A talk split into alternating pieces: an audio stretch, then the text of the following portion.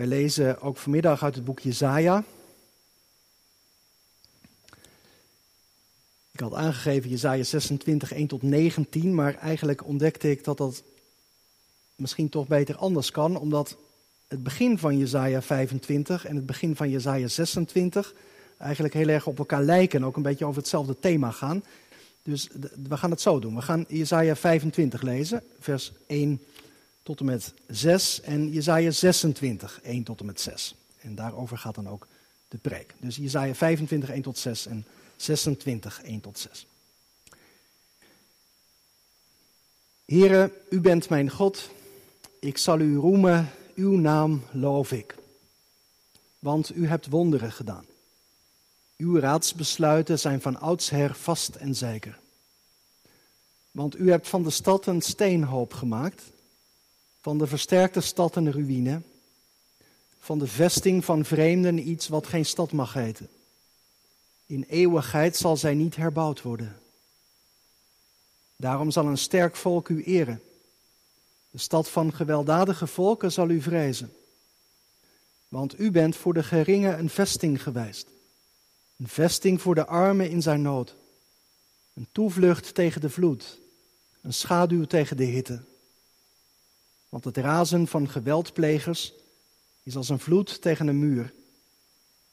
Als de hitte in een dorre streek zult u het gedruis van de, van de vreemde onderdrukken. Als de hitte door de schaduw van een dikke wolk zal het gezang van de geweldplegers worden gedempt.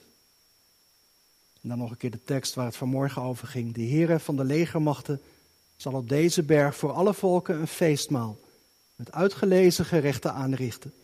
Een feestmaal met gerijpte wijnen, met uitgelezen gerechten vol merg, met gezuiverde gerijpte wijnen. En Jezaja 26, 1 tot 6.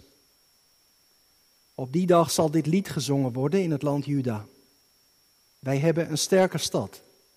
God stelt heil tot muren en vestingwallen. Doe de poorten open, zodat het rechtvaardige volk kan binnengaan, dat de trouw bewaart. Het is uw vaste voornemen, u zult volkomen vrede bewaren, want men heeft op u vertrouwd. Vertrouw op de Heere tot in eeuwigheid, want de Heere Heere is een eeuwige rots. Voorzeker, hij haalt ze neer, de bewoners van de hoogte, de hoogverheven stad. Hij vernedert haar, hij werpt haar neer tot de grond toe. Hij stort haar neer in het stof. De voet zal haar vertrappen, de voeten van de ellendige, de voetstappen van de armen. Tot zover de lezing uit de Bijbel. Dit zijn de woorden van God. Amen. Broeders en zusters thuis met ons verbonden, hier samen in de Sint-Janskerk, gemeente van Christus. Geef Gouda door. Dat was het thema van de viering van het Goudse jubileumjaar. Onze stad had dit jaar 750 jaar stadsrechten. En heel Nederland tot de koning aan toe mocht dat weten. Maar de viering zit er weer op. Een paar weken geleden was de officiële afsluiting. Gisteren was de laatste dag van de tentoonstelling hier in de kerk. Ik stel me zomaar voor dat morgen alle prachtige stukken hier weer worden opgehaald. En nog even, en dan kunnen we ook het dak niet meer op. Geef Gouda door. Wat nemen we als stad nu mee van zo'n jubileum? Een woord dat vaak viel is het woord verdraagzaamheid. Een prachtige deugd waar mensen als Korenhet en Erasmus belangrijke dingen over hebben gezegd. En tegelijkertijd, wij gunnen als christelijke gemeente aan Gouda ook meer. Het evangelie dat hier in de Sint-Jan zondag aan zondag klinkt, heeft tenslotte ook betekenis voor de stad, voor de samenleving. In Jesaja 25 en 26 gaat het ook over een stad, of preciezer over twee steden. Eerst over die ene. In beide liederen wordt gesproken over een vijandelijke stad. Een burcht die tot een steenhoop is geworden, zo staat het in 25 vers 2. Een versterkte stad die een ruïne is geworden. die is afgebroken tot op de grond aan toe. Zo staat het in 26 vers 5. En die nooit meer zal worden herbouwd. Dat lazen wij ook in 25 vers 2. Trouwens ook in Jesaja 24, ik zei vanmorgen al, 24 tot en met 27, dat is eigenlijk een wat grotere eenheid. Uh, daar lees je er ook al van, hoofdstuk 24, vers 10 tot 12. Daar wordt gezet, gebroken is de chaosstad. Gesloten zijn alle huizen, niemand kan erin. Op straat is er gejammer over de wijn, alle blijdschap is ondergegaan. De vreugde uit het land is verdwenen, in de stad is verwoesting overgebleven. Een ruïne, de poort is verbrijzeld.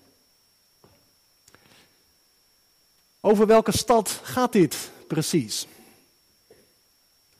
Nou, dat is nog niet zo makkelijk.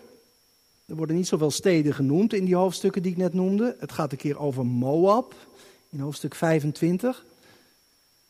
Moet je dan misschien denken aan een soort vesting van dit volk, die dan neergehaald is. Andere uitleggers die denken aan Babel of ook wel aan Nineveh. Het staat er alleen allemaal niet en dat is denk ik niet voor niets. Want zo kan dit profetische lied, wat dat is, het is een profetisch lied, eigenlijk de geschiedenis door weer klinken. In telkens nieuwe situaties kan het worden gezongen. Kunnen mensen zich eraan optrekken dat de vijandelijke stad vergaat? Of eigenlijk nog iets scherper gezegd, dat God daarvoor zal zorgen. Want dat ondergaan van die vijandelijke stad, dat wordt in beide liederen heel nadrukkelijk verbonden met het handelen van God.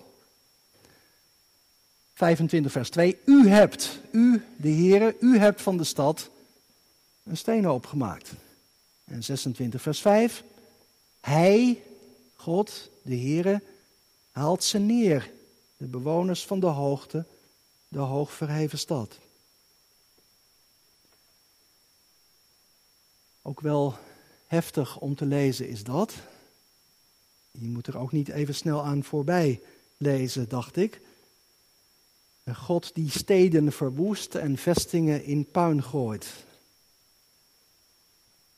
Ik las in het dagboek Stille Omgang van Willem Barnard het volgende over deze tekst.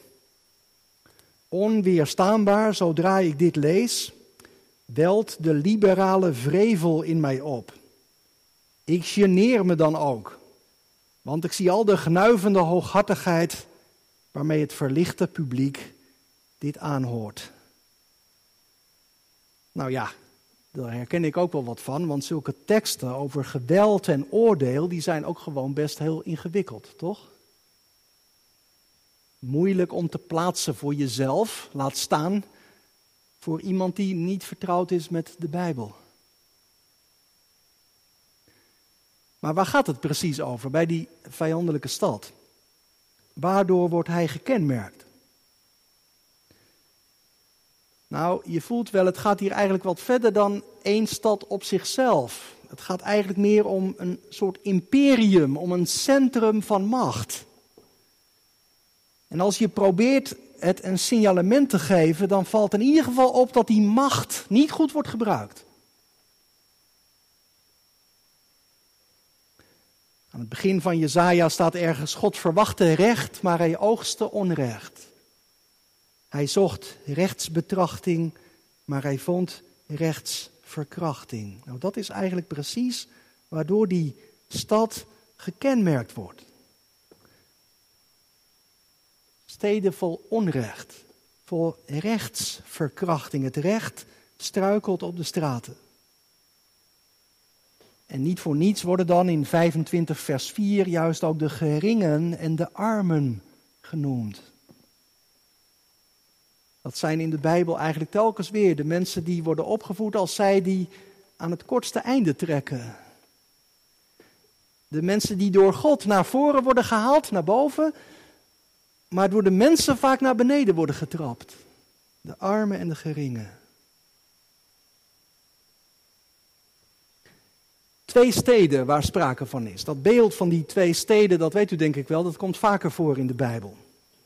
Het is eigenlijk een manier van spreken die symbool staat voor iets groters. Die twee steden, je zou kunnen zeggen, die drukken alle twee een, een way of life uit. Een manier van in het leven staan. Een manier van denken. In het boek Openbaring wordt dat veel verder nog uitgewerkt. Dan gaat het over de stad Babylon. Een stad die de wereld heeft geleerd om God vooral niet te eren. Om God vooral niet lief te hebben. In plaats daarvan, openbaring 18 lees je dat, leert Babylon de wereld te leven voor geld, voor bezit, voor seks, voor macht. Ze verleiden om allerlei dingen die God had gemaakt te gaan vereren als God zelf. Nou, en, en tegenover die stad Babylon staat Jeruzalem.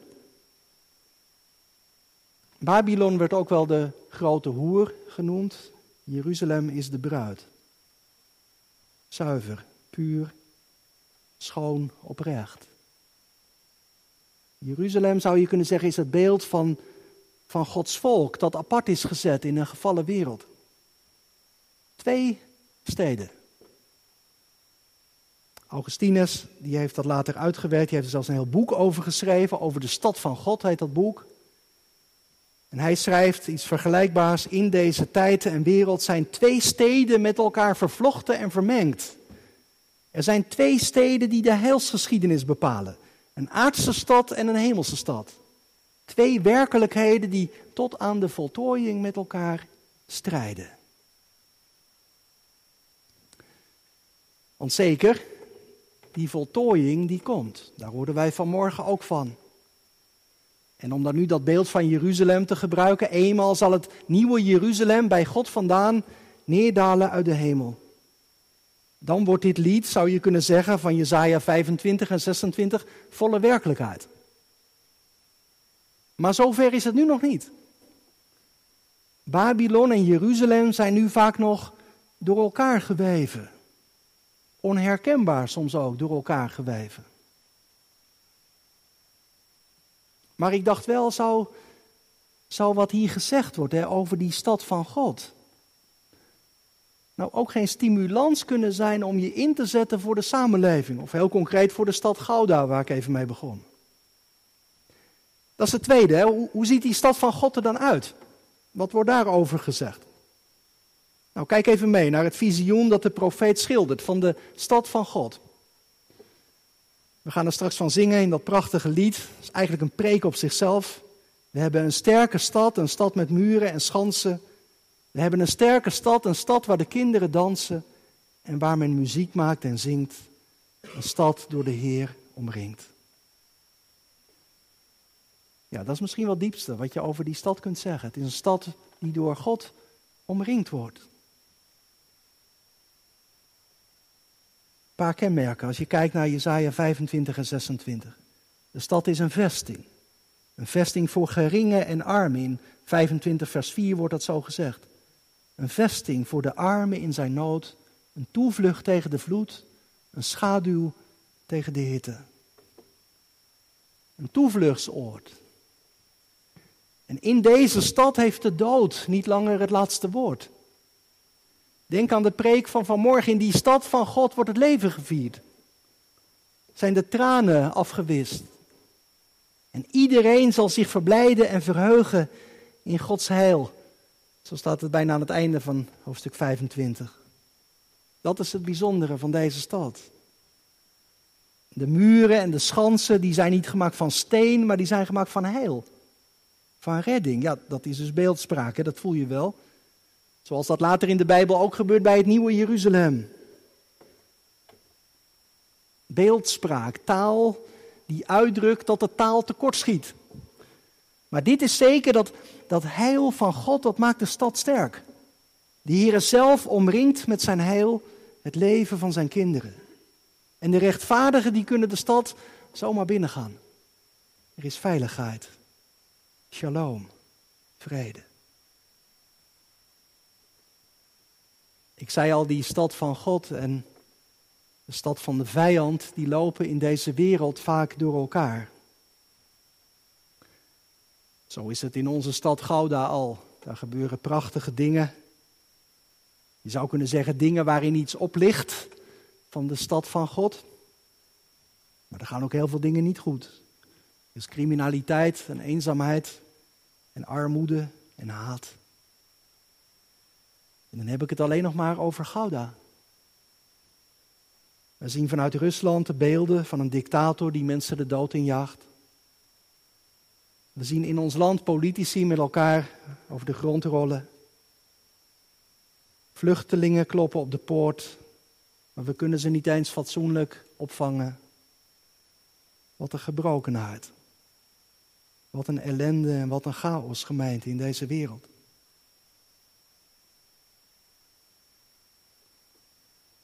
Maar vandaag hebben wij samen het avondmaal gevierd.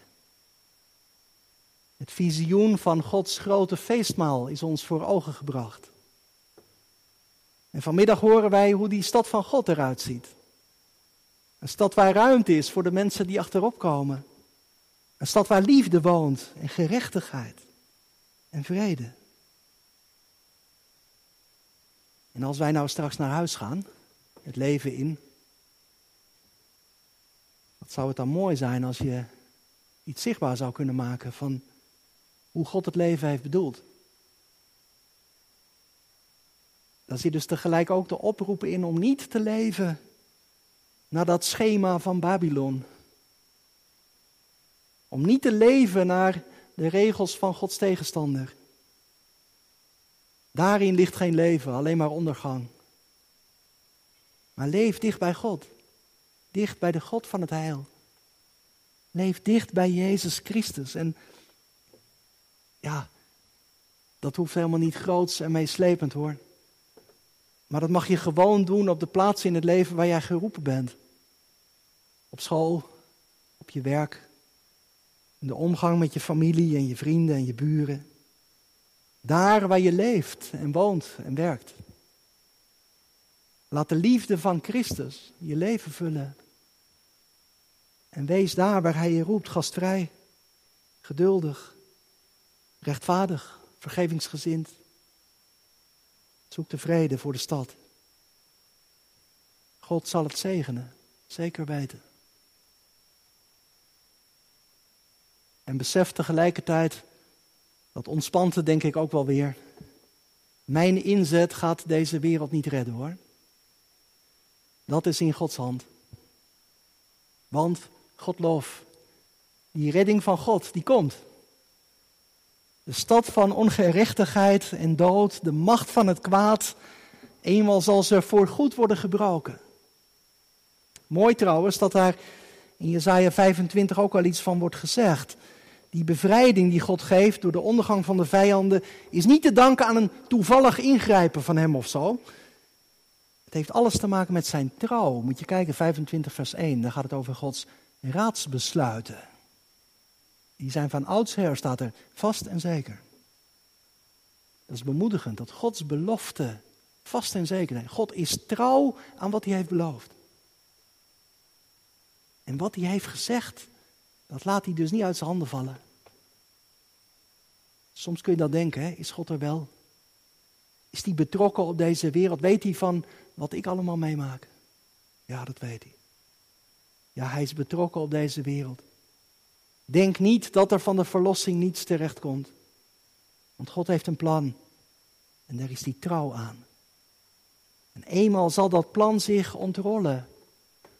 Babylon, de stad van Gods tegenstander, wordt voor goed vernietigd. En het nieuwe Jeruzalem daalt neer uit de hemel. De stad zoals God die voor ogen had vanaf het begin. Een sterke stad waar zijn heil zal wonen. En waar de rechtvaardigen binnengaan, een stad van shalom. Ik lees een paar woorden uit het laatste Bijbelboek over dat nieuwe Jeruzalem. Ik zag geen tempel in haar, want de Heere, de Almachtige God, is haar tempel en het lam.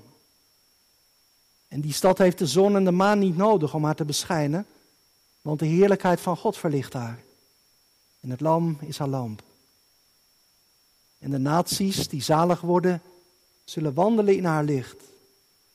En de koningen van de aarde brengen hun heerlijkheid en eer erin. En haar poorten zullen overdag nooit gesloten worden, want daar zal geen nacht zijn. En ze zullen de heerlijkheid en de eer van de naties daarin brengen.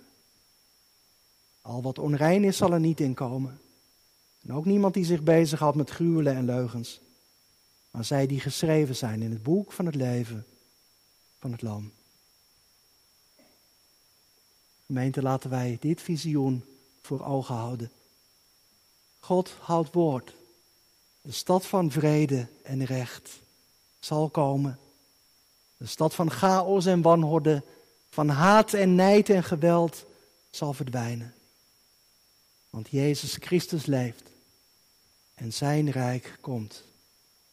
Rechtvaardigen, hier is uw stad. Standvastige, hier uw sterkte. Een ruimte die niemand mat. Een toekomst die niemand bewerkte. Dan Israëls heiland alleen. Hij voert de verdrukten erheen. Lof zij Christus in eeuwigheid. Amen.